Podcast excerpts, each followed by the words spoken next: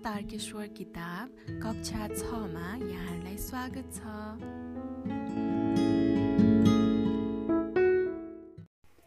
एकाइ छ प्राकृतिक स्रोत र साधन पाना नम्बर चौसाठी पाठ एक परिचय। हामीलाई प्रकृतिले दिएका उपहारलाई प्राकृतिक स्रोत भनिन्छ।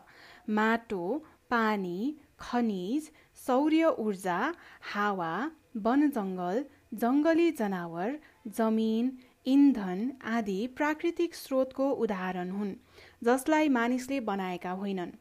जस्तै प्राकृतिक स्रोतहरूको यहाँनिर एउटा चित्र राखिएको छ। प्राकृतिक स्रोत भनेको वनजङ्गल हावा पानी खनिज ऊर्जा शक्ति जमिन। प्रकृतिले मानिसलाई सबै चिज दिएको छ। हामीसँग जे जति छन् बस्ने घर लगाउने लुगा खाने खाना ती सबै प्राकृतिक स्रोतबाट नै पाइन्छ। विज्ञान र प्रविधिले ल्याएका सम्पूर्ण वस्तुहरूको निर्माण गर्ने कच्चा पदार्थ पनि प्रकृतिबाट नै पाइन्छ।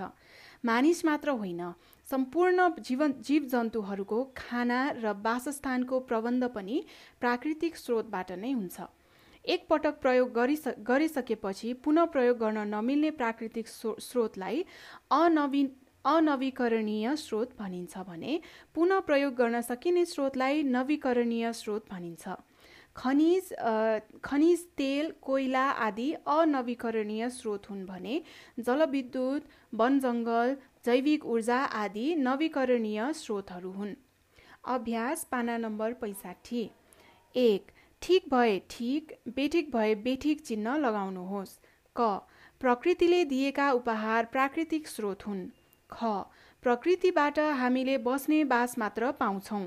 ग। मानिसले आफूले गरेको आविष्कार प्राकृतिक स्रोतका उपज होइनन्। घ। पुनः प्रयोग गर्न सकिने ऊर्जालाई नवीकरणीय ऊर्जा भनिन्छ। ङ। सौर्य ऊर्जा पुनः प्रयोग गर्न सकिने ऊर्जा हो। दुई। छोटो उत्तर दिनुहोस्। क। प्राकृतिक स्रोत केलाई भनिन्छ? ख। प्राकृतिक स्रोतबाट हामीले के के प्राप्त गर्दछौँ? ग। नवीकरणीय ऊर्जा केलाई भनिन्छ? घ। अनव अनवीकरणीय ऊर्जाको परिभाषा लेख्नुहोस्। ङ। प्राकृतिक स्रोतको सूची तयार पार्नुहोस्। तिन नम्बर प्राकृतिक स्रोतको महत्त्व स्पष्ट पार्नुहोस्।